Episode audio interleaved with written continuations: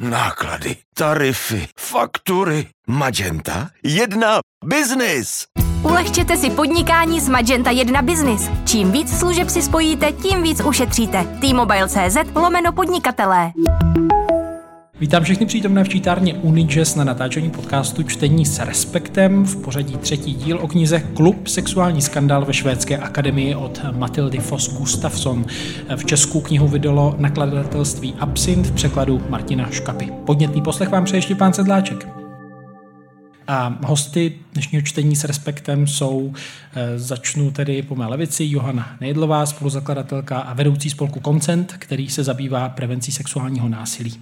Dobrý den, děkuji moc za pozvání. E, dále Silvia Loder, novinářka týdeníku Respekt, má kolegyně, která se věnuje nejrůznějším tématům společenským, s důrazem tedy na gender a postavení žen ve společnosti. Řekl Dobrý večer, také děkuji za pozvání. A do třetice Jakub Pavlovský, literární publicista, moderátor pořadu podcastu Záložka na Českém rozhlasu eh, rádiu Wave. Eh, jehož texty také najdete mimo jiné na serveru host 7 dní online h7o.cz, jestli si nepletu. Dobrý den, je to přesně tak. Děkuji za pozvání. Tak eh, všechny, co jsme tady, nás asi pojí eh, čtenářská zkušenost nebo zájem o konkrétní knihu, už avizované dílo švédské novinářky Matildy Foss Gustafsson, která tedy eh, je reportérkou švédského předního denníku Dagens Nyheter, je tedy autorkou toho investigativního článku, který vyšel před plus minus šesti lety na obálce kulturní přílohy. Eh, tehdy tedy byly fotky 18 žen, které popsaly obtěžování, sexuální útoky i znásilnění, kterých se dopustil Jean-Claude Arnold, eh, vlivná postava stokholmské kulturní sféry manžel švédské básnířky a spisovatelky Kataríny eh, Frostenson, která byla tehdy členkou Švédské akademie, což je prestižní instituce, eh, která dbá o čistotu švédského jazyka, také udílí několik cen a především tedy Nobelovu cenu za literaturu. Eh, Jean-Claude Arnaud byl posléze odsouzen právě za znásilnění a to k několika letům vězení. No a v rámci odhalení toho sexuálního skandálu také vyšlo mimo jiné najevo, že vyzrazoval tajné informace z akademie, včetně jmen, tuším, sedmi nositelů Nobelových cen ještě předtím, než byla veřejně oznámena.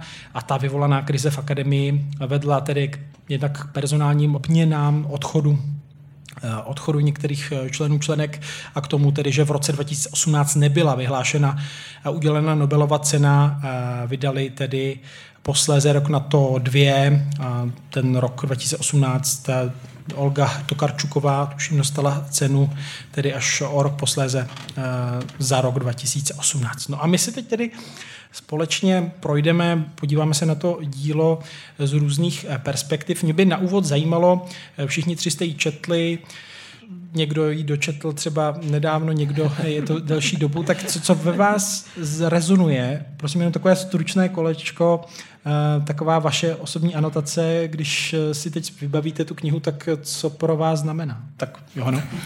Eh, já jsem předně moc ráda, že jsem si tu knížku včera dočetla. Um, mě to uh, hrozně bavilo, uh, přestože jsem vlastně věděla, o jaký příběh se jedná, tak tam bylo strašně moc detailů, který jsem neznala. A přišlo mi, že ta autorka strašně dobře popisuje Eh, jakým způsobem se vlastně cítí oběti. Popisuje to na základě samozřejmě těch jejich výpovědí. Ukazuje to, že ty oběti, eh, to, co my se snažíme často říkat, nejsou prostě ideální. Oni, některá tam třeba mluví o tom, že se s tím člověkem chtěla sama dobrovolně vyspat, ale pak eh, jí k tomu nějakým způsobem přinutil. Popisují tam třeba, že se s tím člověkem dál po tom, co jim nějakým způsobem ublížil, takže se s ním dál bavili a z nějakých důvodů s nima museli vycházet a mě to přijde přijde strašně vstřícně popsaný pro tu veřejnost. I když mě překvapilo, že i přesto, jak dobře je to tam popsaný, tak vlastně ne všichni to podle mě úplně pochopili. Já jsem koukala na recenzi, kterou psal Petr Vizina pro aktuálně CZ a on tam jakoby schrnuje celý ten uh, příběh ty knížky a pak tam píše, že Potud je věc v pořádku a není důvod se vracet k případu jednoho významného muže, který neudržel svůj poklopec zapnutý. Což mi u příběhu člověka, který dlouhodobě znásilňoval uh, ženy, sexuálně obtěžoval každou sukni, která se kolem něj uchomítla a popsat jako člověka, co neudržel eh, zapnutý poklopec, tak potom, co někdo tohle přečte, tak už vlastně nevím, jakým způsobem uh, s těma lidma komunikovat o tom sexuálním násilí. A ze kdy je ta recenze? Uh, já mám pocit, že je to z letoška. Mm-hmm. Kniha vyšla v listopadu v, češ- v českém překladu, takže to muselo být nedávno. Jako řada těch hmm. textů o knize je stará třeba čtvrt roku, tři měsíce, co jsem hmm. sledoval. Já bych možná ještě na začátek eh, doplnila k tomu, co si Štěpáne říkal úplně na začátku. Já jsem se dívala, jestli pan Arnold je stále ve vězení. Hmm. Není tomu tak, byl propuštěn na jaře roku 2020, tak jenom abychom si to dali do toho kontextu také nejenom, že ta kniha je určitém typu chování, určitém typu trestných činů, ale také, eh, že si uvědomíme, jaké jsou ty tresty a jak si možná představujeme adekvátní trest a jak potom potom ten trest uh, reálně vypadá. Ten trest, a... myslím, by právě byly dva roky. Dva, mm-hmm. roky, dva roky a pak mu to trochu prodloužili ještě asi o půl roku, no, ale ano. přesto. A, a vlastně teda musím říct, že mám velkou chuť uh, i teď sledovat dál, jestli autorka bude nějakým způsobem sledovat uh, jeho život jako dál, jak vlastně potom bude vypadat, vypadat jeho život a, a případně jako postavení ve společnosti. Ale já bych vlastně navázala na to, co říkala Johana. Pro mě ta kniha je vlastně velmi přesným a komplexním vyjádřením právě té ambivalence a, a komplexity a, a složitosti toho, toho tématu právě v tom, že ukazuje, že ty situace velmi často nejsou jednoznačné, že tam nejsou ty oběti, které se chovají úplně přesně tak, jak si představujeme, že se budou chovat. A mimochodem, když je řeč tady o tomto, tak mě vlastně přišlo pozoruhodné třeba ta pasáž, kde oni, oni sami si uvědomují, že pro uvěřitelnost těch příběhů je klíčové, aby ta ambivalence, aby právě ta složitost eh, těch situací, ta nejednoznačnost v nějakém, nějakém ohledu v tom textu je jim vlastně zazněla, což mi přišlo vlastně velmi, velmi zajímavé, že sami, eh, sami ty ženy si vlastně uvědomovali, že pro nějakou serióznost taky vlastně celého toho vyprávění je důležité, aby to opravdu bylo eh, bylo uvěřitelné v tom smyslu tak, jak co víme od dynamice vlastně sexuálního násilí. A to mě přišlo vlastně velmi, velmi zajímavé, protože si myslím, že naopak ten instinkt nám velí možná nějaké věci třeba zamlčet, eh, možná si trošku něco jako vlastně, eh, jo, udělat se jako lepšími, protože vlastně víme, jak, ty, jak lidi vlastně velmi často jako reagují na, na ženy, které veřejně promluví o této své zkušenosti. Takhle v tomto směru mě to přišlo vlastně velmi zajímavé. A úplně ještě jenom jedna věc, potom se možná k tomu, že ho dál eh, dostaneme tak jako z novinářského hlediska. Mně to přišlo i vlastně zajímavý vhled do toho, jakým způsobem ona ten text jako buduje, jakým způsobem na něm pracuje. A ona tam sama zmiňuje vlastně jednu, jednu takovou věc, kterou já taky zdůraznuju, ať už se mluví o autorkách a autorech těch úplně původních článků, které vyšly v New York Times a časopisu New Yorker o Harvey Weinsteinovi, tak eh, třeba v českém kontextu to často zmiňují u Aplony Rychlíkové Jakuba Zelenky, že ta, ta práce je vlastně práce investigativních reportérů. To jsou jako lidi, kteří rozkrývají nějakou poměrně jako delikátní a složitou, složitou situaci a jdou vlastně velmi podobným způsobem jako ku příkladu soudy, když, eh, když vyšetřují tyto případy. A je to vlastně ta odpověď na ty časté obavy, které jako z něj nebo časté dohady, které z něj u tady těchto případů. No a jak to teda dokážete, když tam byly jenom ty dva lidi? To teda máme věřit jenom té ženě, která říká, že tohle se vlastně jako stalo. A jak soudy, když o tom rozhodují dobře a poučeně, tak vlastně na těch, na těch novinových textech a i tady na té, na té knize je vidět vlastně, co je ta odpověď tady na to. Vy hledáte lidi z okolí té ženy, vy vlastně mluvíte s jejími příbuznými, s jejími kamarády, s jejími uh, partnery, pokud nějaké má, vlastně rekonstruujete její život tak, jak jako probíhal, tak, jak se vlastně odhrával v době toho, toho incidentu nebo toho, toho zločinu a na základě toho prostě budujete jako kdyby ten příběh. Jo? Takže to mě třeba ještě z toho novinářského hlediska asi přišlo jako velmi, velmi klíčový, protože velmi často taky někdy lidi mají prostě pocit, že to jsou takové ty nějaké jako příběhy, že prostě hold jsme, eh, hold nějaký novináři prostě se rozhodli, že budou věřit, že nám, ne, to je jako pečlivá, dlouhodobá, vlastně nesmírně náročná investigativní práce, která má určitě nějaké náležitosti a potom jako vede k dobrým vlastně výsledkům novinářským. A co tedy s odstupem zůstalo z té knihy po přečtení eh, Jakubu Pavlovskému, který nad to ještě připomenu měl možnost i mluvit s autorkou, loni s ní natáčel rozhovor právě pro Český rozhlas. Mhm. Je to tak, ona byla v Praze Matilda kvůli uvedení a pak ještě vystupovala v rámci jedné akce eh, nebo i více do akcí mimo to. Já souhlasím a jsem na stejné vlně jako eh, Johana a Silvie. Já bych teda ještě k tomu přidal jiný pohled, protože jsme se tak pěkně tady sešli. Uh, novinářka uh, Johana, teda, která se zabývá um, sexuálním obtěžováním tedy um, ve veřejné sféře, tak já jsem tady jako čtenář, uh, takže i nám to pěkně právě pasuje, protože ta kniha opravdu má tyto tři roviny, ať už teda novinářskou, tedy sexuálně, skandální, nevím teď to správné slovo, ale zároveň je to stále kniha, která se dostane ke čtenářům a každý zase bude číst trochu jinak.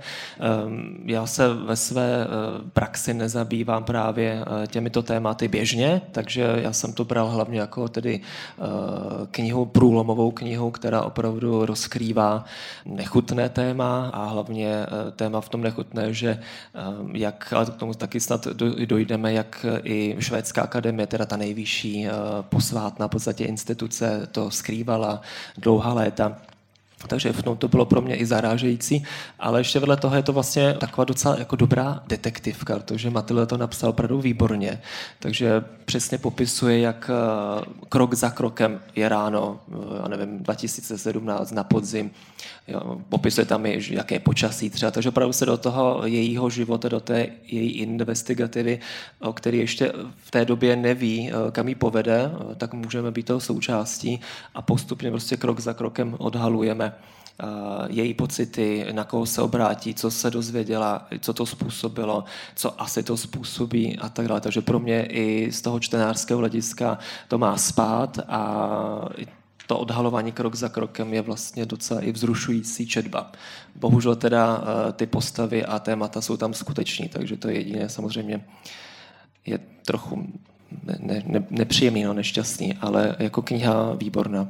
No už to letos z toho, eh, co ještě budeme rozbírat na kously, ale přece jenom, než se dostaneme třeba i k těm sociálním dopadům nebo významům, který potom to mělo, ta reportáž eh, i související kniha, tak ještě k té knize samotné, k tomu, mhm. jak je vystavěná, k trochu k té formě i tomu, jak je psaná, tak eh, jak na vás působilo to čtení právě vlastně delší prodloužené verze té, té reportáže, kde se střídají různé pohledy, eh, intimní zpovědi těch osm, nevím, jestli tam všech 18 žen, ale určitě vysoký počet z nich, eh, do toho i určitý pohled eh, tedy do zákulisí té redakce švédského denníku.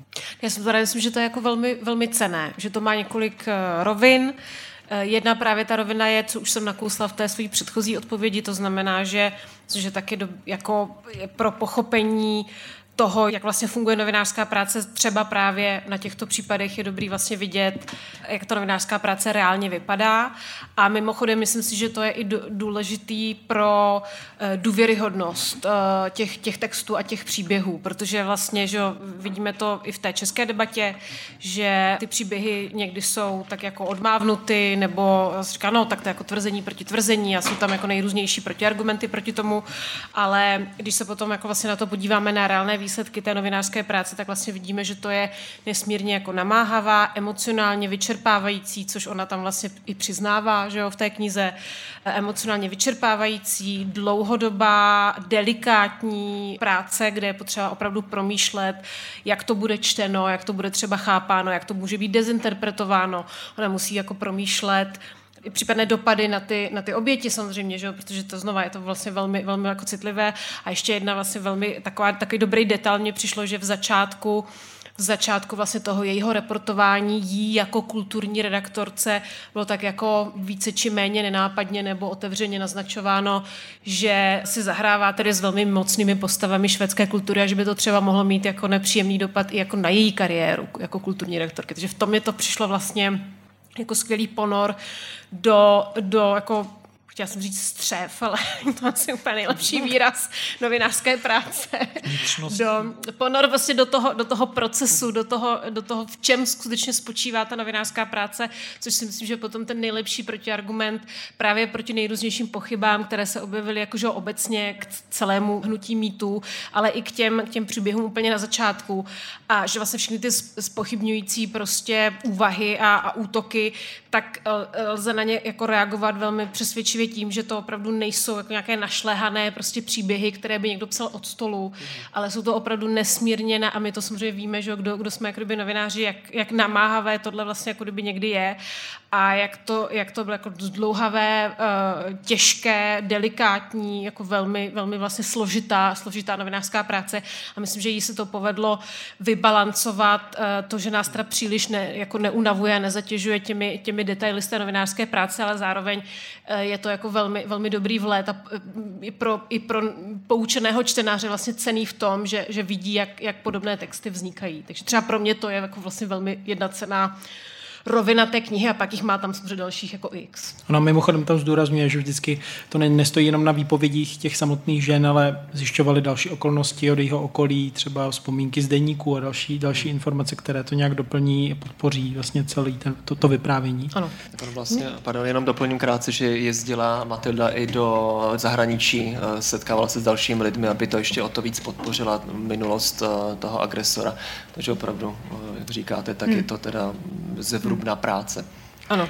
Jo, mně to právě přišlo jako skvěle napsaná reportáž, kdy my vlastně jsme s ní od začátku, od těch jako jejich prvních úvah, kdy ona se někde něco doslechla a začíná to postupně odhalovat. Do toho jako s ní teda vyšetřujeme vlastně, co se, co se dělo. Eh, čteme si ale jako hodně mm, citlivý výpovědi těch konkrétních uh, obětí, který něco svěřují. A do toho ona ještě rozkrývá, co vlastně ten Jean-Claude byl zač a, a co vlastně dělal, jaký byl nebo nebyl umělec. Má to právě spoustu těch uh, jako zajímavých rovin a do toho mi přijde, že je tam i nějaký zajímavý faktický základ, kdy se i jako nějak teoretický úrovni dozvídáme něco víc o sexuálním násilí, dopadech toho násilí, případně toho, kde vznikají nějaký stereotypy, třeba je tam část o hysterických ženách, jak vlastně vzniklo to, že máme představu, že jsou tady hysterky, který si vymýšlejí, že je někdo zneužil, znásilnil, což je nějaký jako um, koncept eh, z 19. století, ke kterému se pak třeba ještě přidal Freud a, a podpořil tady tu teorii a ta komplexnost toho celého vyprávění mě právě hrozně bavila. K tomu jenom doplním, že jak přesně, jak jste Johano říkala, že mm, roz, nebo přidává Matilda k tomu ještě nějaké ty odborné věci a v podstatě mm, ten background, tak navíc tam ještě mě se moc líbilo, jak popisovala i pro čtenáře mimo Švédsko, teda aspoň si myslím, že to dělala i pro, pro nás ostatní, jak vůbec funguje právě kulturní scéna ve Švédsku, ať už uh, zmíněná Švédská akademie, udělování cen, jak tam je, že tam nějaký tajemník a takhle, to třeba běžný člověk vůbec netuší, hmm. Uh, že, tuž, že existuje nějaká švédská akademie. A pak ještě eh, o tom samotném klubu Fórum, ve kterém to všechno v podstatě začalo, tak eh, ten, mm, to know-how v podstatě švédské, co nám českým čtenářům chybí, tak to tam pěkně taky dala. A za to jsem určitě nejen já rád, jinak bychom se v tom tolik třeba neorientovali. Já teda přidám k tomu, že jsem taky hmm. velmi oceňoval, jak, jak hluboko a daleko i v čase hmm. šla. Jestli se nepletu, byla v Marseille, určitě byla v Paříži, protože Jean-Claude Arnaud je vlastně um, člověk, který přicestoval do Švédska někdy v 60. Hmm. letech a měl nějakou minulost ve Francii. Poté tedy začal budovat eh, kariéru v těch kulturních sférách a rozjel ten klub Forum, že spolu se svojí ženou, známou švédskou básnířkou, ale že opravdu máme možnost vidět ty různé persony toho, nebo otázka, kolik jakoby různých eh, tváří ten Arnold měl, ale eh, že mm, se vydával za různé, různé lidi, každému tvrdil s nadsázkou něco, něco trochu jiného. Možná se můžeme zastavit u té vlastně klíčové postavy toho násilníka, agresora, člověka, který desítky let dělal, co dělal a zůstávalo to do jisté míry ve skrytu, neodhaleno pro širokou veřejnost. Já vlastně k tomu na to chtěla navázat, protože to mě jako přišlo taky vlastně jako integrální součást toho, o čem já jsem mluvila, jakým způsobem jde vlastně složit ten příběh, když v tom konkrétním jednom, v těch konkrétních situacích byly pouze jenom ti dva. Že vlastně ona se teda dívá, jak jsme tady už zmínili několikrát, na, na ty oběti, na jejich okolí, rekonstruuje prostě ten, ten příběh jako kdyby z jejich pohledu, ale zároveň tím, že se ponoří do historie toho Žána Kloda Arnolta a vlastně odhalí tam velmi jako zvláštní tedy charakterové rysy, že jo? Vlastně to je někdo, kdo hal opakovaně o své minulosti, třeba utkvělo v paměti ta pasáž, kde ona zmiňuje, že o sobě šířil, že vystudoval Sorbonne a mm-hmm. další prestižní, uh, prestižní univerzity a ona zjistila, že nemá ani maturitu, což nic proti lidem, kteří nemají maturitu, ale problém je to potom v momentě, kdy ten člověk nějakým způsobem se na tom jako kdyby buduje eh, nějakou svoji pověst a na základě té pověsti, na základě toho postavení na té švédské kulturní scéně potom páchá, co páchá, ale vlastně ona tím jako kdyby staví a, a líčí ten jeho charakter, který nám potom jako kdyby zapadá eh, do toho celého příběhu a o to víc eh, je to vlastně eh, další argument pro to věřit těm, těm ženám, které vlastně o něm, o něm mluvili. Takže v tomhle tom znovu si myslím, že vlastně se vracíme k tomu, k tomu tématu, jak psát o situacích, kde opravdu není 50 svědků, kteří by o tom mohli svědčit. Je to prostě nějaká rekonstrukce, nějaký ponor, nějaká analýza těch osobností, kdo jsou, odkud přišli, jak se chovali předtím, jak se chovali potom, jako jak, jak je máme chápat a na základě toho my si potom můžeme vyhodnotit, komu máme věřit a kdo skutečně, kde, kde leží ta pravda. Johana chce reagovat. Mně na tom ještě přišlo zajímavý, kolik ona vlastně měla času a prostoru se tomu o, objevování toho celého případu o, jako věnovat. A, a s kolika lidma o tom mluvila. A zajímalo by mě, a na to jsem se asi chtěla zeptat Silvie, jestli si myslí, že je, je možný, že by v Česku někdo dostal takovouhle podporu k tomu, jako aby něco rok, takhle velkého rozkryl, anebo jestli to je v tom Švédsku nějak um, asi jako pro ty novináře a novinářky eh, to prostředí v něčem eh, víc podporující nebo má prostě víc peněz a, může hmm. si tohle dovolit. To bych se přiznám musela ještě víc jako kdyby nastudovat, jak dlouho vlastně ta, ta věc vznikala, což teď se přiznám, že vlastně nevím, jak, jak dlouho ona, ale jako zjevně měsíce, že jo, minimálně. Hmm, a jako kdyby jde určitě říct, že, že v Česku vznikají investigativní texty složité měsíce, eh, dlouhé měsíce ale myslím, že víc, eh, že běžnější v českém kontextu je, že to jsou prostě kauzy typu vrbětice nebo nějaké zásadní věci týkající se dezinformací nebo, nebo tajných služeb, že možná ten, eh, ten důraz nebo ta, ta ochota v redakcí vyčlenit někoho, což a teď samozřejmě dávám ještě jako na, na okraj hm, poznámku, že když si teda při vědomí toho stavu, v jakém jsou česká média, tak je dobré jako si uvědomit, že ten člověk, který na té investigativě pracuje ty měsíce, tak samozřejmě k tomu dělá spoustu jiné práce. To není tak, že dělá jenom tu investigativu a, a nedělá nic eh, jiného. Tak možná ta, eh, ta ochota nebo, nebo ta možnost trávit takhle dlouhou dobu tímto typem pátrání je asi, bych řekla, o něco menší než v tom Švédsku. Můžu na to zareagovat. Já mě taky na, u toho napadá, i jsem z literárního prostředí a nějak si nemůžu představit, že by eh, nějaký deník, jo, eh, teď jsem zapomněl švédský název Digens Nyheter, DN to pak zkracuje. DN, ano. Ano, tak nějak jsem to řekl mojí švédštinou, ale... Omlouváme se zástupcům švédské ambasády. tak, tak, no, um, že je to deník, takže uh, český deník, kdyby věnoval nejen samozřejmě investigativu eh, tohle rozsahu, to si představit umím, ale někomu, kdo je v literatuře, kdo je v kultuře, že by si vybrali nějakého nakladatele, nebo já nevím, eh, úředníka státního, nebo já nevím, grafika knižního, který takto třeba, a takový třeba soudce, já vím, jo, třeba desítky let někde v tom českém prostředí eh, manipuluje a zneužívá ženy, tak jestli by dostal takovéhle, takovýhle prostor. To si pokládám já tuhle otázku.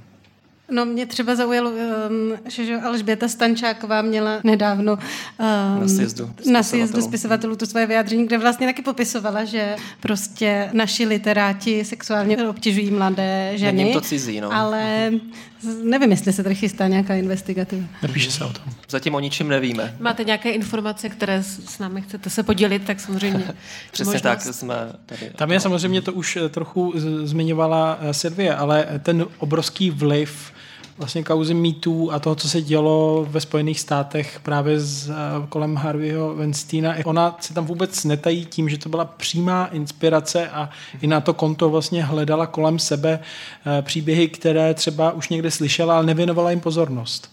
Takže to je vlastně nějaká taková linka, která je určitě pro novináře jako možný recept. No ona, možná ta linka není důležitá jenom pro novináře, ale myslím, že to vidíme i v českém prostředí, což eh, možná Johana potvrdí, že ta, ta celosvětová obrovská pozornost a vliv sociálních sítí, to znamená, máme platformu, na které kdokoliv může eh, sdílet nějaký svůj příběh, takže tam je samozřejmě jako víc těch kombinací, ale ta, ta ohromná pozornost, která tomu Weinsteinovu uh, případu uh, byla věnována a ta následná, že obrovská, obrovská pozornost věnovaná tomu hnutí, tak hlavně povzbudila celou řadu lidí, kteří s tím zkušenost mají, aby, aby to sdíleli. Možná třeba nejprve v té první vlně na těch sociálních sítích, ale tím, že se tomu věnovala takováto pozornost i vlastně jako v médiích, tak potom měli možná větší důvěru obecně v novináře, nebo měli třeba pocit, že ta společenská atmosféra se posunula jako natolik, že je možné o tom promluvit. A třeba já jsem tady tenhle ten posun třeba vnímala, že teď se hodně v posledních měsících věnuje hodně pozornost situacím na vysokých školách,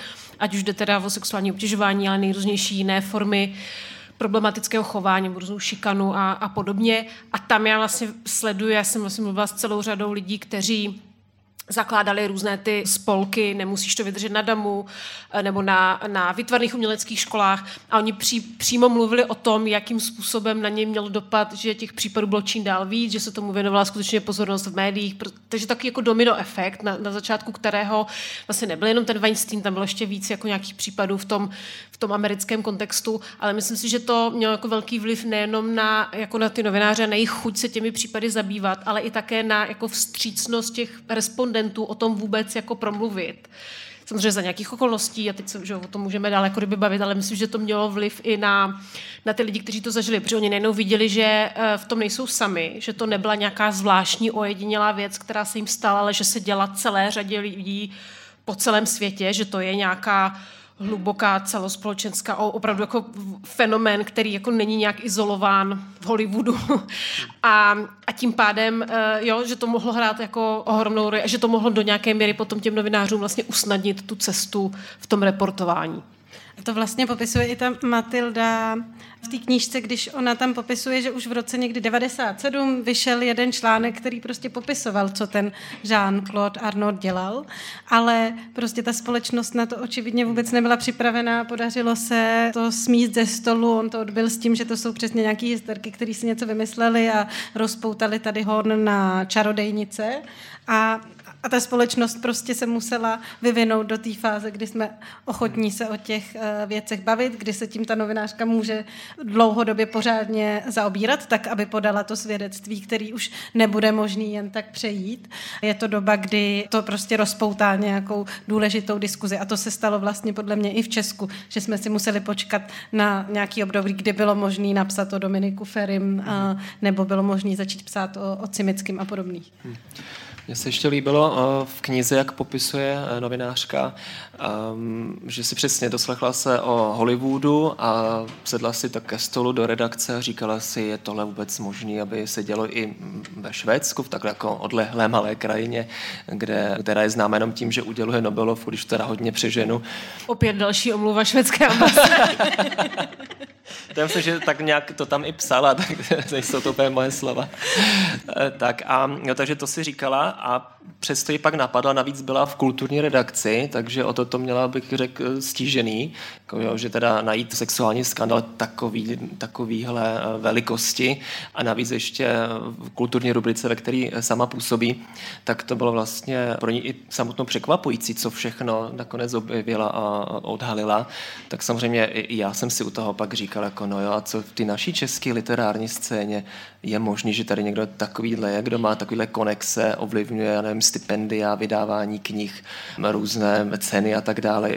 Je, je to možné vůbec? Tak... tak k tomu já bych dodala, že, že u nás to literáti buď píšou sami do svých vlastních knih, nebo to píšou jejich manželky do svých knih.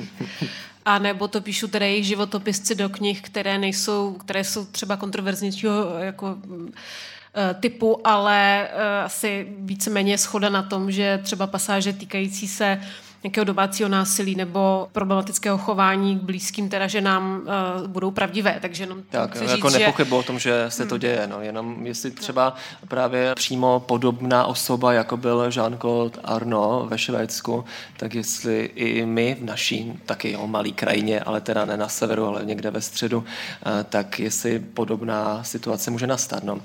A ještě, eh, když teda se bavíme o něm, tak bych uh, chtěl zmínit, jak on měl strašně velkou tu sílu. V podstatě, když teda opravdu zestručním tu jeho... Že byl takovou šedou eminencí. Tak přesně tak, ale docela teda hodně, hodně významnou.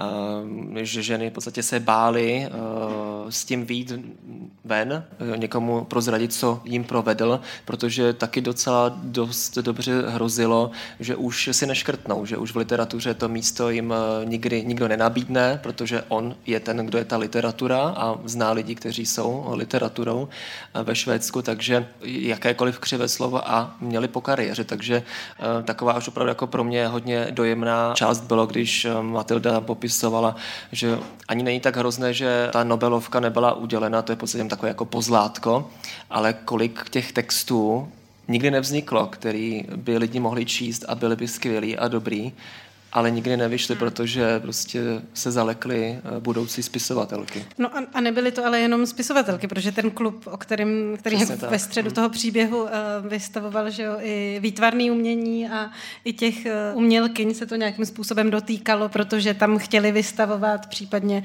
se tam setkali s něčím, co vedlo k tomu, že už třeba uh, se hmm. pak ani dál nevěnovali umění, takže přesto, že on vlastně měl ten přímý vliv jenom na tu literaturu, tak ovlivňoval i kariéru těch žen v jiných oblastech. Ale jak jste o tom mluvil, tak mi přišlo důležitý zmínit, že ti lidi nemusí mít tak velký vliv a stejně to těm obětem jako zabraňuje mluvit, protože třeba v těch případech Jana Cimického přesně u nás říkali ty ženy, že jako proti němu si vlastně nedovolili nic říct, protože to psychiatr, který ho oni navštěvoval, on by okamžitě mohl říct, že jsou prostě psychicky nemocní a mhm. tomu se taky nechtěli vystavit. Nebo zase s tím Dominikem Ferrym, tak uh, tam zase uh, je ta situace, že on měl nějakou moc, která sice nebyla takhle formalizovaná, že by byla v tom, že může skutečně rozhodnout o tom, jestli dostanou nebo nedostanou stipendium stipendium, ale stejně byl jako velmi vlivný a mohl mhm.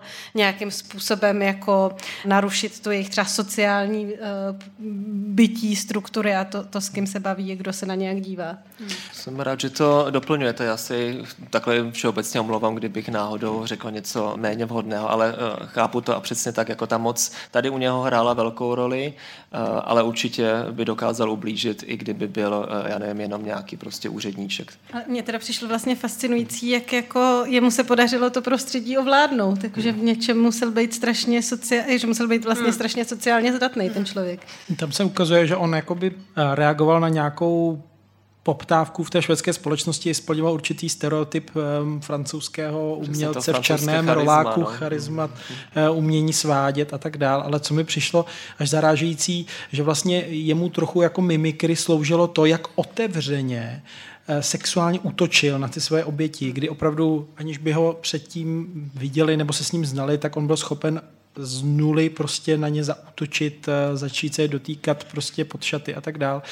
No a jestli dovolíte, to je jedna pasáž, kterou bych možná přečetl, jsme při svém čtení s respektem, pokud budete mít taky nějakou pasáž, můžeme se ještě dostat dalším, ale tohle je už vlastně z té závěrečné části knihy, která má zhruba 285 stran, ale tady se vlastně popisuje, jak tehdy reagoval na tu situaci, když už ten skandál v jednou v médiích se ocitl v tom roce 1997, tak je to ze strany 249. Zdálo se, jako by si od té doby ještě víc zakládal na tom, aby svým vystupováním budil pozornost. Stávalo se, že zcela nepokrytě a nahlas mluvil o tom, co by rád dělal s nezletilými dcerami různých kulturních osobností a jeho narážky byly obecně čím dál tím explicitnější. Především se ale vystupňovalo jeho faktické chování vůči ostatním. Po hospodách a barech lidem na potkání bez mrknutí oka vyhrožoval svými kontakty a jako kolovrátek opakoval pořád dokola ty též repliky. Vy nevíte, kdo je má žena. Postarám se o to, aby si v tomhle městě už ani neškrtla. Ty se zbláznila. Všem řeknu, že si naprostý cvok. Obvyklou součástí jeho chování na večírcích se stalo i to, že ženám sahal na prsa nebo je hladil po zadku. V jistých kulturních kruzích bylo toto jeho chování přijímáno jako něco zcela běžného. Někteří lidé, kteří v průběhu let navštěvovali Arnoltovi hotelové večírky na knižním veletrhu v Göteborgu, to popisují tak, že se o těchto situacích zkrátka nemluvilo. Šlo jen o to je přestát a okolí si k tomu instinktivně vyvinulo společnou metodu. Pokud jste se znali se ženou, k níž se Arno přiblížil, hleděli jste nechtěně situaci předejít tím, že danou ženu diskrétně vtáhnete do své společnosti. Pokud jste s ní naopak neměli nic společného, prostě jste jako všichni ostatní dělali, že nic nevidíte a rychle jste se přesunuli k jinému kroužku. Jeden umělec, který ve fóru několikrát vystavoval, nazývá způsob, jakým Arno k mladým ženám přistupoval, vrozenou vadou. Nahlížel jsem na to jako na jakýsi charakterový rys, se kterým se nedalo nic dělat. Asi jako kdyby kulhal. Když jsem na podzim 2017 pochopila, o jak závažná obvinění se v Arnoltově případu skutečně jedná, napadlo mě, jak moc se Arno vymyká klasické představě o jedinci dvojí povahy, tedy o někom, v kom se pod slupkou spořádaného občana skrývá brutální násilník a kdo se v noci stává jiným člověkem, než jakým je za bílého dne. Arno byl naproti tomu někdo, kdo svou odvrácenou tvář neustále ukazoval. Ženy osahával a nestudné poznámky o jejich těle pronášel všem na doslech. Možná právě to byl důvod, proč nikoho z jeho okolí ani nenapadlo podezřívat ho z násilnictví. Ne, kdyby mu šlo o něco takového, jistě by to lépe skrýval. Všichni přece znali jeho přezdívky.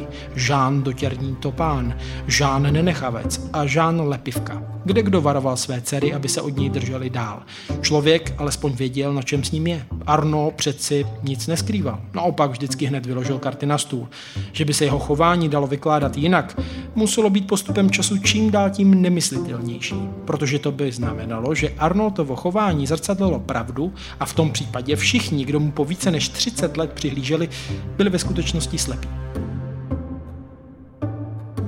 Tady je teda, když jsem si tu pasáž četl, tak člověku zatrne, že jsou přesně lidé ve společnosti, u kterých se tak říká, no on se nějak chová, ale je to v takové té rovině, že by nepřekročil jisté hranice.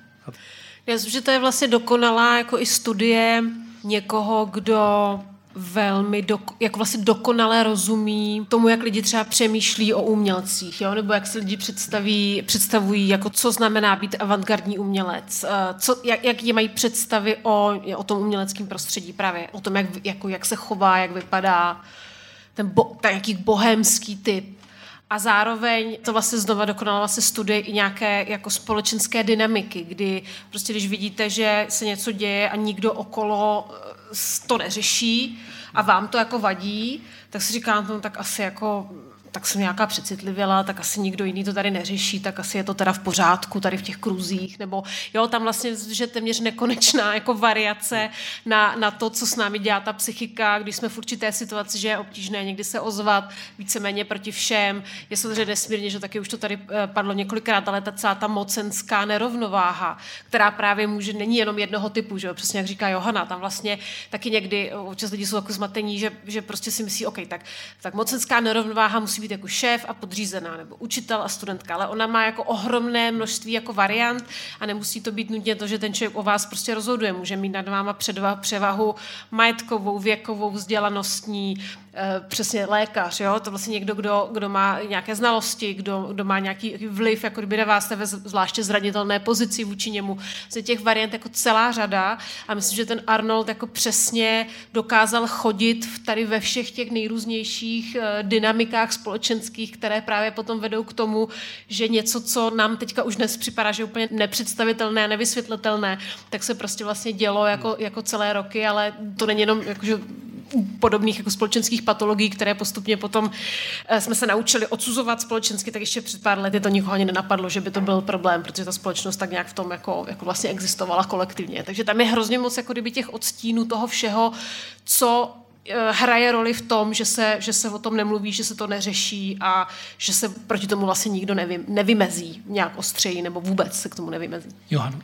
Já jsem si tady tu pasáž teda taky tam zatrhla, eh, protože mě zaujala. A Mm, přijde mi dobrý i zmínit, že jsem mluvila o tom, že se jednou napsalo o tom případu v roce 97, tak uh, v té knížce pak ta autorka taky popisuje, že to, že mu to prošlo, mohlo víc k tomu, že se choval právě ještě otevřeněji, hmm. agresivněji, protože už věděl, že vlastně jako to nemusí skrývat, protože je to přece v pohodě. A mám pocit, že to mm, vlastně je to, o čem se třeba my v koncentu taky bavíme, že je potřeba těm lidem jako nastavovat hranice co, co nejdřív, protože samozřejmě, když zjistí, že ty hranice můžou překračovat, tak je překračují a očividně jim to může procházet uh, roky a roky a okolí prostě dělá, jako že nic nevidí, nebo že je to trochu legrace a že to přece není tak hrozný. Teď mě napadá, mm, v aktuálním Respektu je vlastně závěrečný díl seriálu, kde tedy lví podíl těch eh, jednotlivých článků napsala Silvie eh, právě o vztazích a o hranicích ve vztazích, nebo kde končí ta svoboda ve vztazích. Tady v tom konkrétním případu je asi třeba i říct, že eh, to bylo na různých úrovních. On s některými těmi ženami měl určitý vztah, de facto jako mocensky dost nadřazený a jak už eh, jste zmiňoval, některé ty ženy vlastně s ním někde byly v nějakém prostoru a pak se stalo něco, co prostě absolutně neočekávali, tak mě by zajímalo právě možná trošku víc narýsovat ty hranice hranice, nebo říct si, kde jsou ty dnešní hranice, eh, kde by měla vlastně i ta kontrolka lidem okolo opravdu eh, zapískat nebo zablikat, aby bylo jasno. No, já mám pocit, že v tom, co je popsané v té knížce, to jako dojde skoro každý že prostě jako strčit někomu, kdo si vedle vás přisedne ruku za kalhotky pod sukní, to už jako umí poznat téměř kdokoliv, že to je za hranou. A, a myslím si, že ten Jean-Claude to věděl vždycky, že to, co dělá, není v pořádku. Přinutit někoho mít s váma sex, hodit mu něco do pití, eh, ten podle mě není, jakože ty věci, které tam popisuje v té knižce, ta autorka podle mě nejsou ty, kde se můžeme bavit o tom, jestli náhodou nejsou rozmazané hranice.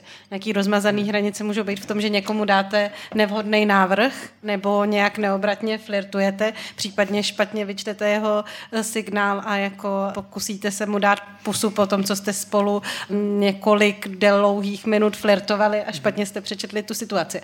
Ale tady ty věci, které dělal uh, ten, ten kultur, že persona, nebo jak byla popsaná, tak to podle mě není jako případ toho, že by nevěděl, co dělá. Se zdálo, že to pokoušel, dokud mohl, že? dokud mu to procházelo. Stejně tam jsou některé pasáže vypovědí, eh, vypovědí žen, eh, že teda třeba u něj přespali a najednou se probudili s tím, jak eh, je, jak to nazvat správně, Znásilňuje. Jo, ano, tak, uh, pardon, tak to jsem přesně nechtěl říct.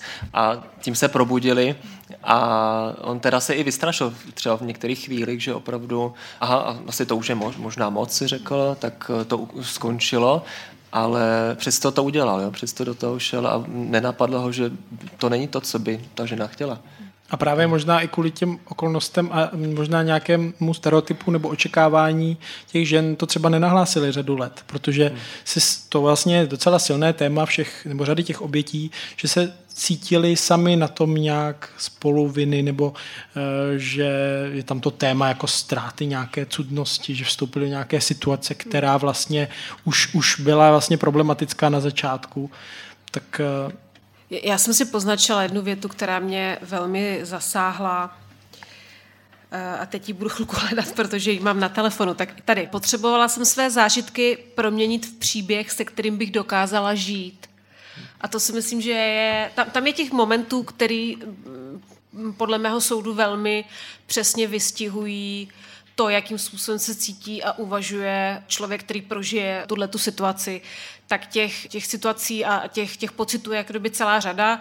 Jeden, který se tam opakuje několikrát, je vůbec jako kdyby rozpaky a zmatení nad tím, jak tu situaci pojmenovat a, a sami ženy, a to taky vidíme znova a znova a znova a znova, vůbec mají jako problém vyslovit to slovo znásilnění, protože oni mají nějakou představu a máme vlastně víceméně to, jakože všichni, byť se to jako nějakým způsobem mění, o tom, jak vypadá znásilnění a ta představa je tady a je to určitá, určitá situace. A pak oni prožijí situaci, která tomu neodpovídá. Hmm Takže jim to tam jako kdyby nesedí. A takže vůbec jako vlastně e, velká část toho těch příběhů je o nějakém jako kdyby zmatení o tom, co se vlastně stalo, jak to celé zpracovat. A tady ta věta, kterou jsem citovala, tak si myslím, že taky je vlastně jako velmi důležitá, důležitý jev týkající se sexuálního násilí, že ty lidi prostě někdy si jako vyhodnotí, že o tom není možné mluvit z nějakého důvodu, není možné to pojmenovat opravdu jako pravdivě z nějakého důvodu, takže ten příběh přetvoří tak, tak, tak si ho přerámují a tak si ho jako úplně zcela jinak odvyprávějí, aby ho mohli zařadit jako kdyby do svého životního příběhu, aby s ním opravdu jako mohli dál být. A až prostě postupem času nebo nějakými dalšími událostmi se stane, že ten příběh vemou, znova se na něj podívají a, a znova ho převypráví a tentokrát jako pravdivě. A tady, ta, tady ten proces je vlastně jako nesmírně jako dlouhý, bolestný, komplikovaný a náročný, ale a nedává třeba někdy na první pohled smysl.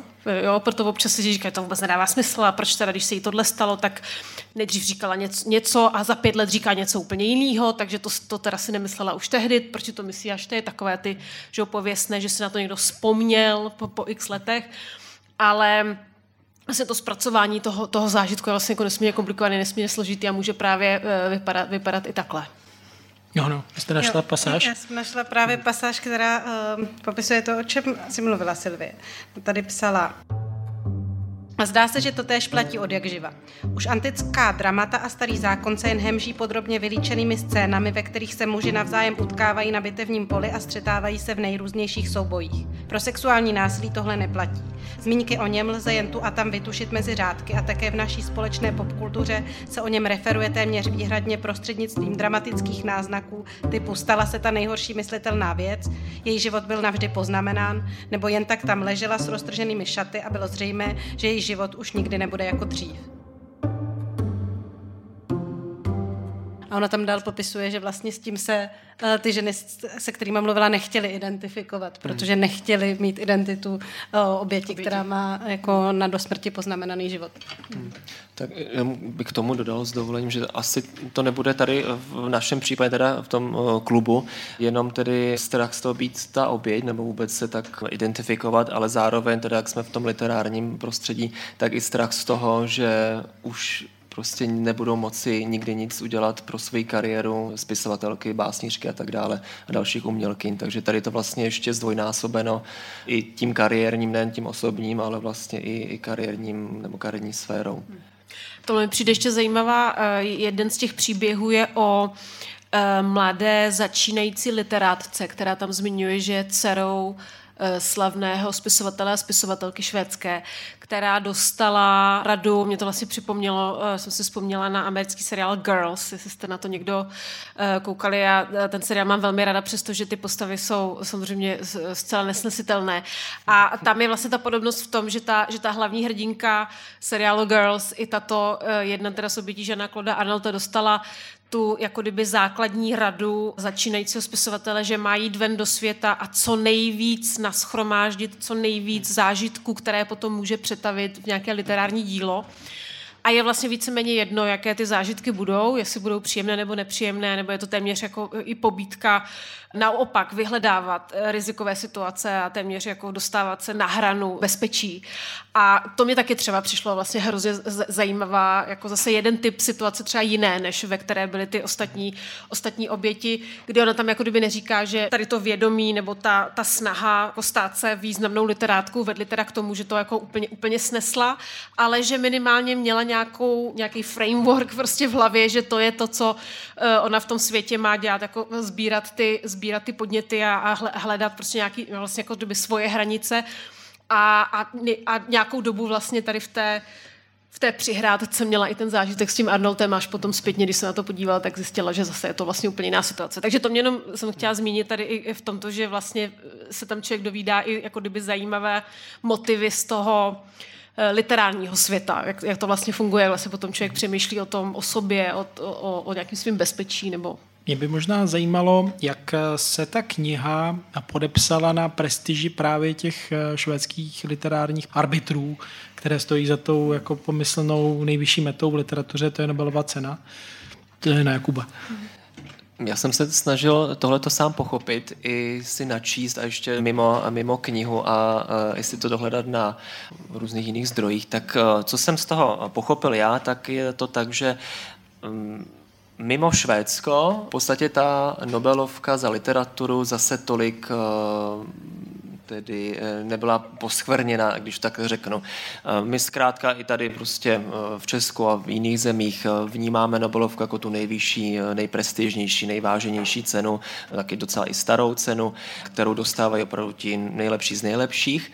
No ale vedle toho tedy tenhle sexuální skandál byl natolik výrazný a silný, že to nebyl jako jenom nějaký jeden člověk prostě a tak teda posuneme tady cenu o rok a všechno je v pohodě. Ale opravdu to, myslím, že zrovna tento eh, čin měl opravdu větší dopad, ale zase zároveň ne tolik na tu cenu. Teď už je několik let po tom, co eh, je to historií, dejme tomu, eh, co se teda týče konkrétního ročníku Nobelovy ceny za literaturu a dostávají lidé dál a neměl jsem pocit já osobně, že by se třeba u poslední nominace teda, nebo laureátky Ani Erno um, i zmiňovalo v pozadí, no a vzpomí, vzpomeňte si na ten ročník 2018, kdy co se stalo, takže uh, to vůbec to jako opadlo, uh, zase prostě novináře všechny zajímá, čtenáře, kdo to teda získal, pokud teda už se vůbec o to zajímají čtenáři, pro někoho to je úplně, uh, je jim to ukradené a což vůbec nevadí. Takže uh, to je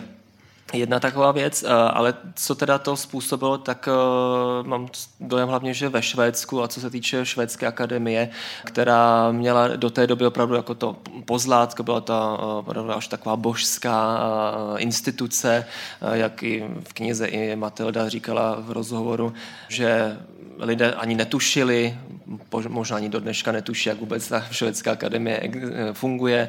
Víme akorát, že tam je teda 18 členů, teď aktuálně díval jsem se eh, na Wikipedii, tak eh, dvě místa jsou volná, protože do toho skandálu všichni hm, prostě chtěli, to byl takový cíl těch literátů, být součástí akademie, ale po tom skandálu, po trošku se to tam změnilo, někdo odešel na protest, někdo bohužel tedy i umřel, jak to u těch, protože to je doživotní, takže se to uvolní až po smrti.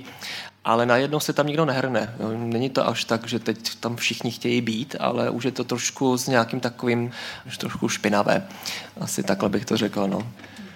Mně to vlastně, když jsem díky té knížce odhalovala, jak ta akademie funguje, mi došlo, že to vlastně možná je i dobře, že se to celý takhle jako odkrylo a rozpadlo, protože nejsem jistá, jestli by měl o dobře, možná v té eh, Nobelovce vybírají jako z celého světa a autory a autorky a může to být nějakým způsobem nezávislejší, ale jako jak se ukazovalo, jak jsou v tom malém Švédsku, že vlastně tam můžou strašně snadno někoho upřednostňovat, někoho úplně jako zadusit, tak nevím, jestli je dobrý, aby byli lidi v nějakém věku zvoleni doživotně do mhm. funkce, která bude a budou doživotně rozhodovat o mhm. tom, kdo dostane nebo nedostane peníze a budou mít tam byt od té instituce řidiče a každý každý čtvrtek si budou společně s 18 kámošema, ze kterým, se kterými pijou z očíslovaný skleničky, Přesně, jako to, povídat o To je opravdu jako o, už o možná přežitek no. a jenom k tomu dodám, že jsem se dočetl, že kromě Nobelovky Švédská akademie uděluje se nějakých dalších 50 uh, eh, literárních cen a stipendií a tak dále, takže oni hmm. hospodaří z několika uh, víc než kolik 14 milionů švédských korun ročně, mám pocit, pokud si to dobře pamatuju. Takže ta jejich moc je opravdu velká. A teď to dělá těch 18 lidí, z nichž vlastně nevíme vůbec, eh, jak, to, jak ty procesy fungují, jak vybírají. Teď teda se samozřejmě zdá, že to je všechno přes kamarády, ty někoho znáš, tak doporuč, jo, co se ti naposledy líbilo, teď to přeháním, co si četla, co možná na stolku, tak uh, tomu dáme cenu, nebo jo, ale uh, vlastně nevíme, nikde není uh, Gustav III., pokud si vzpomínám, jsem koncem 18. století tedy založil Švédskou akademii a napsal nějaké uh, tedy jako know-how a v té době už je trošku jako... Teď tam by se to mohlo aktualizovat. kuličkama červenýma a no, Asi. Černé, bílé, myslím.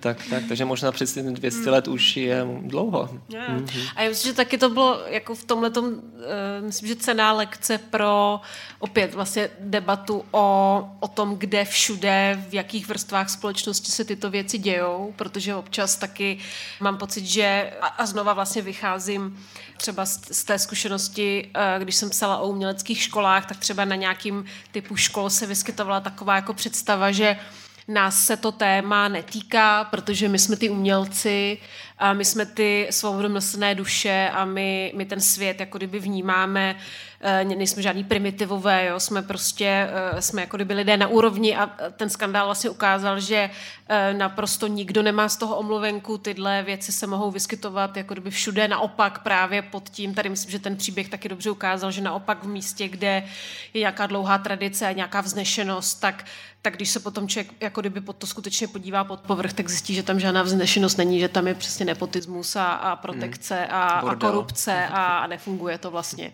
Takže myslím, že to bylo, myslím, i jako já teda si netroufám eh, to posuzovat z hlediska toho literárního provozu, protože to úplně nerozumím, ale vždycky mám pocit, že jakákoliv jako pravdivě odhalená podstata nefunkčnosti nějaké instituce je vždycky pro tu instituci vlastně velmi zdravá, protože se na sebe může podívat uh, znova a může přehodnotit třeba i nějaké své fungování a přiznat si, že Eh, vznešená švédská akademie hold má nějaký, nějaký problém, který by měla řešit. Mm-hmm. Tak já myslím, je tady ještě řada témat eh, a mám řadu otázek, eh, které bych rád položil, ale vím, že Jakub zhruba za 10 minut musí běžet na magnézii literu. Na naši nejprestižnější cenu, tak to tam budu pozorovat všechno. Kde se snad takové věci nedějí. Doufejme. A to mě teda mi připomnělo, že přece tuto debatu samozřejmě z jiných důvodů, ale máme i o státní ceně za literaturu, jsme měli letos, že jo? o tom, to.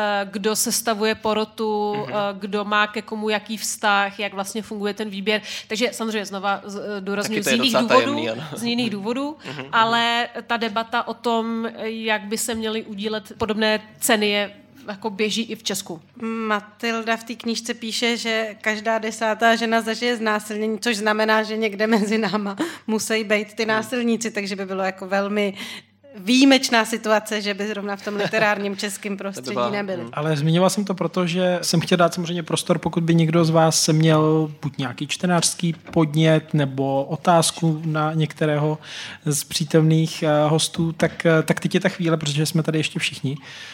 Uh, Anna Marie Hradecká, čítárna Unižic. Já bych se chtěla jenom zeptat, jak ta kniha, teda vydaná v roce 22, tak jak rezonuje momentálně právě v český čtenářský obci a um, zajímá mě prostě uh, ta reflexe toho uh, cílového čtenářstva právě. Jestli to uh, je pořád tak, že to čteme my, kteří už něco o té problematice víme, zajímáme se o to, a nebo jestli to vlastně má šanci oslovit i lidi, kteří stále vůči tomu z jakýchkoliv důvodů zůstávají imunní vůči tomu tématu. Možná Jakub i třeba podle možných reakcí na, na ten Děkuju. rozhovor, který měl? To je dobrá, ale zároveň hodně těžká otázka. Na tohle můžu odpovědět jenom na základě toho, co jsem si sám přečetl třeba na některých uh, webech se čtenářskými ohlasy, tak z toho mám pocit, že jak český čtenář, čtenář rád říká, kniha se mi líbila, ale z toho úplně nedokážeme vyčíst ten dopad. Byla čtivá, byla dobrá, ona je dobře napsaná, je čtivá, ale zároveň obsahuje tolik eh, důležitého, bohužel nedokážu na tohle odpovědět, jestli to bude mít nějaký dopad, ale ještě pardon, i třeba co vznikaly rozhovory, eh, tak to bylo, když tady Matilda byla, když ta kniha vznikla, jsem i rád, že i v Dubnu, eh, několik měsíců poté eh, o knize mluvíme, takže snad nějaký dopad mít bude. Mě vlastně k tomu napadá, že to eh, cílové čtenářstvo, jak jste, to, jak jste nazvala ty lidi, kteří, eh, k kterým se to dostane, tak si myslím, že je dobré je posuzovat asi uh, optikou té řady nebo toho nakladatelství, ve kterém to vyšlo. A myslím si, že uh, ty knihy, tak jak oni mají fantastické knihy, já jsem vlastně četla několik z té jejich řady eh, profil Andreše Breivika, který měl asi 900 stran, což hmm. považuji jeden ze svých největších čtenářských jako výkonů v poslední době. Tím chci jenom říct, že vlastně myslím si, že to přesně míří na toho, na to, co jste možná eh, zmínila, na toho poučeného čtenáře, že, jako, že určitě do nějaké míry to míří k lidem, kteří se o to aktivně vlastně jako zajímají a asi to není úplně jako masová kniha, taky se teda přiznám, že nemám úplně informace o tom, jak moc se to třeba prodává, hmm. ale asi úplně jako masová eh, kniha to nebude. Na straně druhé, myslím, že, že Johana, Johana potvrdí, nebo moje zkušenost je taky taková, že to téma je vlastně poměrně složité a i lidi, kteří to jako se o to opravdu zajímají, tak jim třeba unikají některé jemné niance, včetně a teď samozřejmě tam počítám i sebe, jo? pořád je to vlastně tak jako dlouhý proces, kdy tomu člověk chce porozumět, takže si myslím, že i člověk, který se počítá mezi poučeného čtenáře, tak si tam může si z toho vzít ohromnou jako spoustu nových informací a, a dá se jako posun ve znalosti toho tématu. Což nevím, jsem vám asi úplně neodpověděla, ale... Ale myslím, že jste to říkala správně, že to i odpovídá profilu toho, toho nakladatelství, které prostě vydává reportážní knihy, ať už jakéhokoliv eh, zaměření, takže čtenáře Absintu si to určitě získalo a pojďme zjistit eh, od jiných, eh, od čtenářů, kteří běžně Absint nečtou, jestli to četli a jaký to na mě mělo dopad. Tak chce někdo přidat ještě čtenářskou zkušenost? Z toho, jak o tom mluvíme, je jasné, že to všichni považujeme za podnětnou knížku, která se nám líbí. Ale je tam třeba něco, co vám tam možná chybělo? Nemusí to být vyloženě kritika, ale třeba něco, co byste ještě ocenili na takové knize, nějaký dodatek nebo, nebo téma? To asi jenom drobnost, jak to už vyšlo vlastně před několika lety, tak mohlo být třeba ještě nějaký aktuální koncept, e, teda e, kontext e, pro českého čtenáře, třeba jak je to aktuálně, přece těch pár let už uběhlo, Viník je na svobodě, sama autorka vlastně neví, co dělá, takže i to mě zajímalo třeba, tak to bych, ani jsem to nedokázal dohledat nikde, co vlastně takový Arnold dělá, jestli se skrývá, stydí se a, a kaje se, tak, tak to možná by mě zajímalo, to je taková spíš drobnost.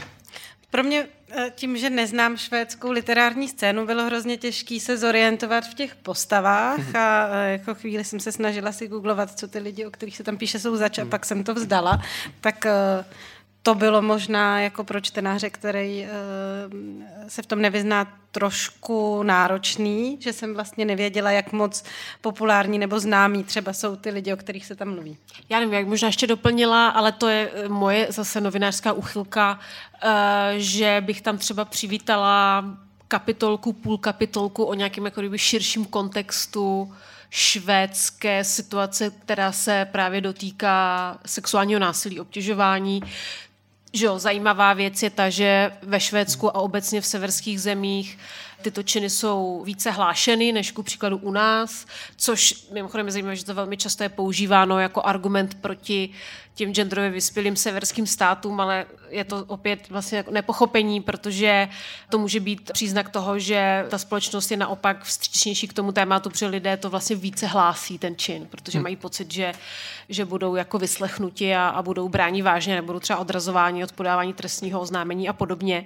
Takže mě by třeba, uh, bych tam uvítala nějakou ještě jako systémovější, obecnější kapitolu o tom, v jakém jako vývojovém stádiu to Švédsko vlastně je, jakou tam mají legislativu, právní úpravu, kam se ta, kam se ta debata vlastně posouvá. Já jsem tam taky sama byla vlastně jako kdyby na reportážích, ta, tamní, že ta scéna tradičně feministická, která vlastně jako vychází z, nebo která hnala dopředu nejrůznější změny týkající se zdravotní péče nebo sociální péče právě o oběti domácího nebo sexuálního násilí, tak v tomto směru je to vlastně jako velmi pro mě zajímavý, ale není to samozřejmě nic, co by eh, ta kniha jako bez toho není, není horší. Jo? To vlastně jí zajímal ten příběh a jak jsme to zmínili, je tam hrozně moc nejrůznějších vrstev od novinářské přes jako tak nějaká společenská studie po velmi jako emocionálně silné konkrétní příběhy lidí, lidí, takže si myslím, že to nevadí, že tam není jako tabulka se statistikami a nějaká historie. No, ještě, pardon, no. doplním, jak jste říkala, Johano, eh, že neznáte ty lidi, eh, postavy, kteří, eh, které tam vystupovali. Tak... Doufám, že to není nějaký velký fopa. Ne, ne, ne, naopak, jenom říkám, že to je pravda, jako, a navíc znějí švédsky, takže pro nás to je ještě něco náročnější. že, ale já právě po rozhovoru s Matildou jsem se ještě chvilku bavil a ona se vlastně tak až trošku jako zasmála s tím, že nevěřila, jak vlastně v Česku neznáme Katarinu Frostenson a přitom to je známá jako velebásnířka, jak jsem pak později pochopil, jsem se o, o ní dočetl opravdu už jako několik desítek let, kdy ona je na, na výsluní, teď teda už trochu méně, ale bývala na výsluní hodně jako velké jméno a ona se mi ptala, no a vy tady jako znáte Katarínu Frostence? Říkám, no jako já o ní poprvé slyšel teď jako ve spojitosti s tou knihou, no úplně jako, to ne, jako neuvěřitelný. Takže i přesně, eh, jako je to úplně v pohodě. Jo, taky se mi mohl hned říct uh, pár českých jmén, určitě by se taky nechytila, jo. Ale, ale pro, v tomto kontextu opravdu to bylo neuvěřitelné. A co ten Kundera, Matildo, tak, tak to by asi znal. To bych možná mohl, no. Ale... Mimochodem teda Katarinu nepřesvědčila, myslím, ta reportáž, co jsem četl o těch reakcích, tak... Ne, ne, ne, ona se... ne, si myslí, že to bylo, že to bylo vlastně léčka na jejího manžela a pak napsal nějaké díle ještě na jako, jak je dotčena vlastně, že ona je ta oběť v podstatě, že to bylo kvůli ní všechno vymyšlené.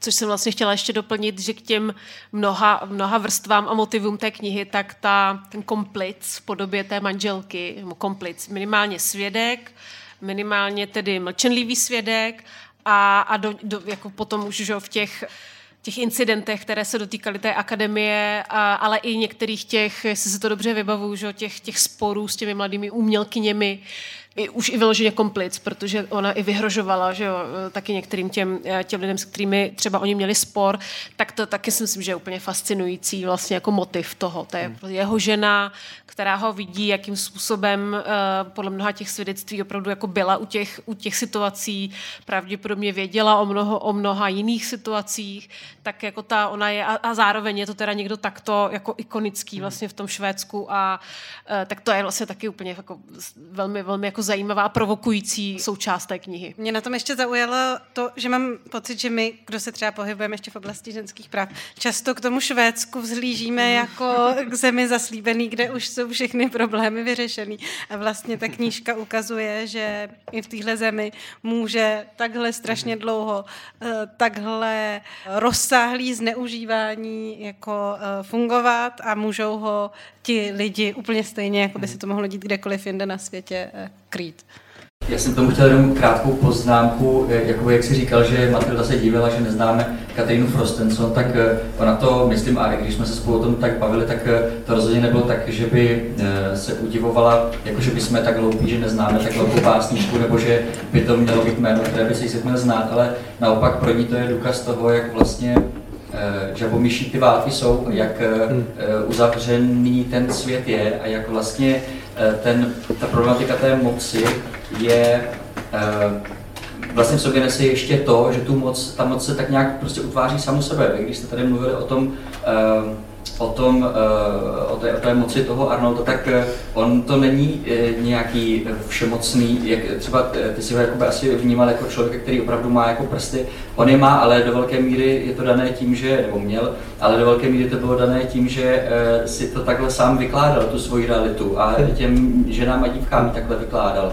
A vlastně tu svoji roli zveličoval. A myslím, že tak úplně stejně mají přesně jako Švédě vůbec celá, celá ta kulturní obec pocit, že Katarina Frostenson je opravdu autorita, ale eh, právě sama Matilda se eh, smála tomu, že ve chvíli, kdy někdo přejede hranice, eh, tak vlastně už vůbec netuší, kdo to je a už to nikoho nezajímá. A jak je to vlastně absurdní, že se i v tomhletom, v téhle jakoby malé polívce může uvařit tolik moci, která může být takhle zrádná a takhle jedovatá. Yeah. To mě vlastně napadá, teď si uvědomím, že tady budu na literárním uh, debatě a podcastu neustále citovat televizní seriály, což, uh, ale proč ne, že jo?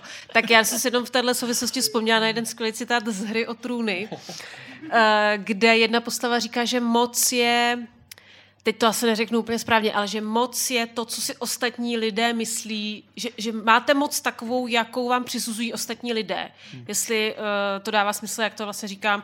Jinými slovy, že že ta, ten předpoklad a ta, a ta fantazie, fantazijní nějaká, jaký příběh, který vlastně on vytvořil, který nemusel nutně, přesně jak říkáte, odpovídat opravdu té rea, tomu reálnému vlivu, tak si myslím, že to je další vlastně jako rovina toho, že, že vy nemusíte mít, tak jsme to vlastně trošku nakousli, že musíte jako reálnou moc, opravdu jako moc rozhodovat o lidech, ale můžete vytvořit dojem, že máte ohromnou moc a že můžete ovlivňovat kariéry a všechny znáte a, a vytvoříte prostě tu auru toho, kromě teda toho, že jste ten Bodvivána a francouz a absolvent Sorbony a téměř jste krvácel na barikádách v 68. když nic z toho není pravda, tak ještě vytvoříte dojem, že máte fantastickou moc nad, nad životy lidí a, a, ty, a ty lidi to prostě jako přijmou a znovu jsme vlastně u toho, jak, jak funguje společnost, jak, jak funguje psychika lidí, jak funguje prostě to, že chcete někam patřit, bla, bla, bla, že nebudu to vlastně znova jako opakovat. Takže v tomhle to je taky vlastně strašně jako kdyby zajímavý příběh.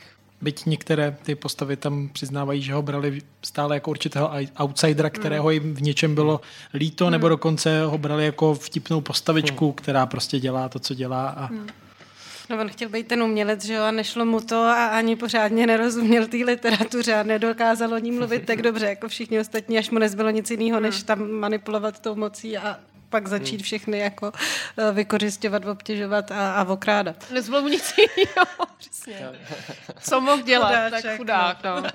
Možná poslední věc, když jsem se ptal na to, co, co v té knize chybělo, tak jsem si říkal, když to někdo čte a třeba to téma ho nějak se osobně týká, může ho to nějak rozrušit, jestli by tam přece jenom nemělo být eh, něco pro, pro takové čtenáře, jak postupovat. No já jsem vlastně zvažovala, eh, než jsem sem šla, jestli eh, mám říct něco, co asi teďka teda řeknu, protože jsi to nakousl, že třeba pro mě čtení té knihy bylo obtížný mimo jiné, protože já jsem Eh, některé situace, které v té knize jsou popisované, osobně zažila. Ne samozřejmě eh, s žádným Klodem Arnoldem, ale v jiném kontextu. A myslím, že to je ale jakože testament vlastně zručnosti autorky, že eh, je to napsaný tak a je to napsaný tak jako pravdivě, že člověka, který má podobnou zkušenost, to opravdu jako zasáhne. A teď na co ty se ptáš, je samozřejmě jako velká složitá debata těch takzvaných trigger warnings, jejichž funkci já vlastně do nějaké míry chápu, ale na straně druhé, když víme to, co je ten trigger, který u každého člověka může být naprosto jiný a může to být zcela nevinná nějaká věc, že někdo má na sobě koženou bundu a někdo má takový účes a někdo si píská nějakou písničku, může to být vlastně víceméně cokoliv v tom příběhu, to znamená, že nikdy vlastně nezaručíš varování všem lidem, kterým potenciálně to varování by mohlo být určeno. Ale myslím si, že ta otázka je jako na místě, protože ta, ty výpovědi mají jako velkou sílu. Teda. Tak já si teda nejsem úplně jistá, protože ta knížka je jako jednoznačně o sexuálním násilí, což je celý jako trigger warning podle mě od začátku, že je jasný, že pro lidi, kteří mají nějakou zkušenost, kterou je pro ně těžký, ještě se s ní vyrovnávají třeba, tak to prostě jako může být problematický, hmm. protože je to vlastně celý o tom tématu. To jo, ale zároveň máš teda pocit, že je potřeba, aby tam bylo ještě extra varování, když už no. jako rovnou v tom... To mi přijde, že už jo, je právě jako že už je to varování no. samo o sobě. Je to i na obálce aspoň sexuální naznačeno. skandál ve švédské hmm. akademii. Ale mně přišlo ještě vlastně, že by mě zajímalo, jak to rezonuje s muži, protože mně přijde, že to, krom toho, že to popisuje zážitky, který má téměř každá žena, ne ty uh, extra násilný, ale prostě nějaký osahávání, uh, hloupý keci, poznámky, tak jako by mě zajímalo, jak se na to koukali muži, kteří to četli, kteří tam třeba jsou zase v těch situacích, kdy něco viděli, něco slyšeli, jestli to jako s váma třeba nějak taky rezonovalo. Můžu k tomu, to chci právě říct, to, to bylo docela, jako celou dobu tady bavíme o tom, co ženy na to, ale co muži na to, protože já jsem nezaslechla knížku jsem nečetla, ale zajímalo by mě, jestli tam je nějaká pasáž o tom, jestli nějaký přítel té zneužívané nebo něco si to s ním šel třeba osobně vyřídit, nebo eh, byla tam nějaká odezva, něco, protože chlapi kolikrát vím takhle, že se bojí taky někdy zasáhnout kol, kol, ve větším kolektivu, tak i, I na ně působila tam ta mocenská ten příběh té moci, že jo, tam je, jestli to dobře vybavuju, uh, jsou tam i osobní příběhy lidí, kteří třeba nějakým způsobem buď uh, pracovali v tom klubu, fórum, kde se spousta těch situací hmm. odehrávala, který bylo to místo Žana Kloda Arnolta, anebo se tam vyskytovali jako hosté. A myslím si, že tam, jestli, znova, jestli se to dobře vybavuju, několikrát jako zmiňují, že vlastně i oni uh, byli v tom vleku těch obav, co případně způsobí to, kdyby se proti tomu nějak jako ohradili. Ale úplně si nevybavuju vlastně teďka ty, ty detaily. No bylo tam minimálně jeden z těch manžel, jedna z těch žen jako byl popis toho, jaký, jaký podporoval, jak byl operou, jak s ní šel na policii třeba a tak, ale že by tam bylo, že byla nějaká msta. Ne, no. Rozhodně on se obával, jezdil všude taxíkem, byl velice opatrný, možná i z toho důvodu, to tam tak jako lehce naznačené mezi řádky je, ale vlastně popis téhle zkušenosti tam není, no, to je pravda.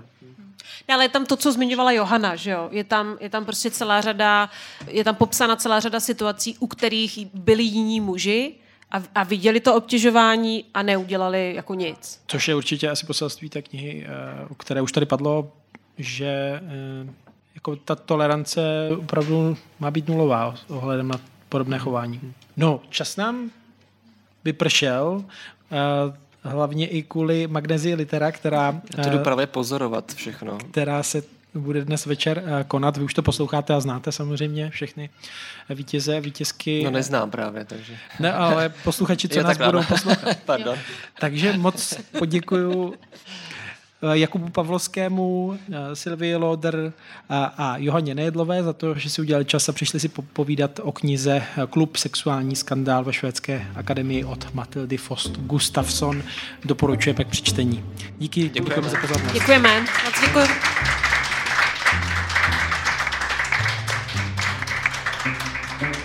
Příští setkání nad knihou bude tedy během května. Přes, přesný termín a místo konání ještě není známo, ale je známo, nad jakou knihou setkání bude a bude to tedy Den opričníka od Vladimira Sorokina, který shodou okolností přijede na eh, festival Svět knihy právě v květnu.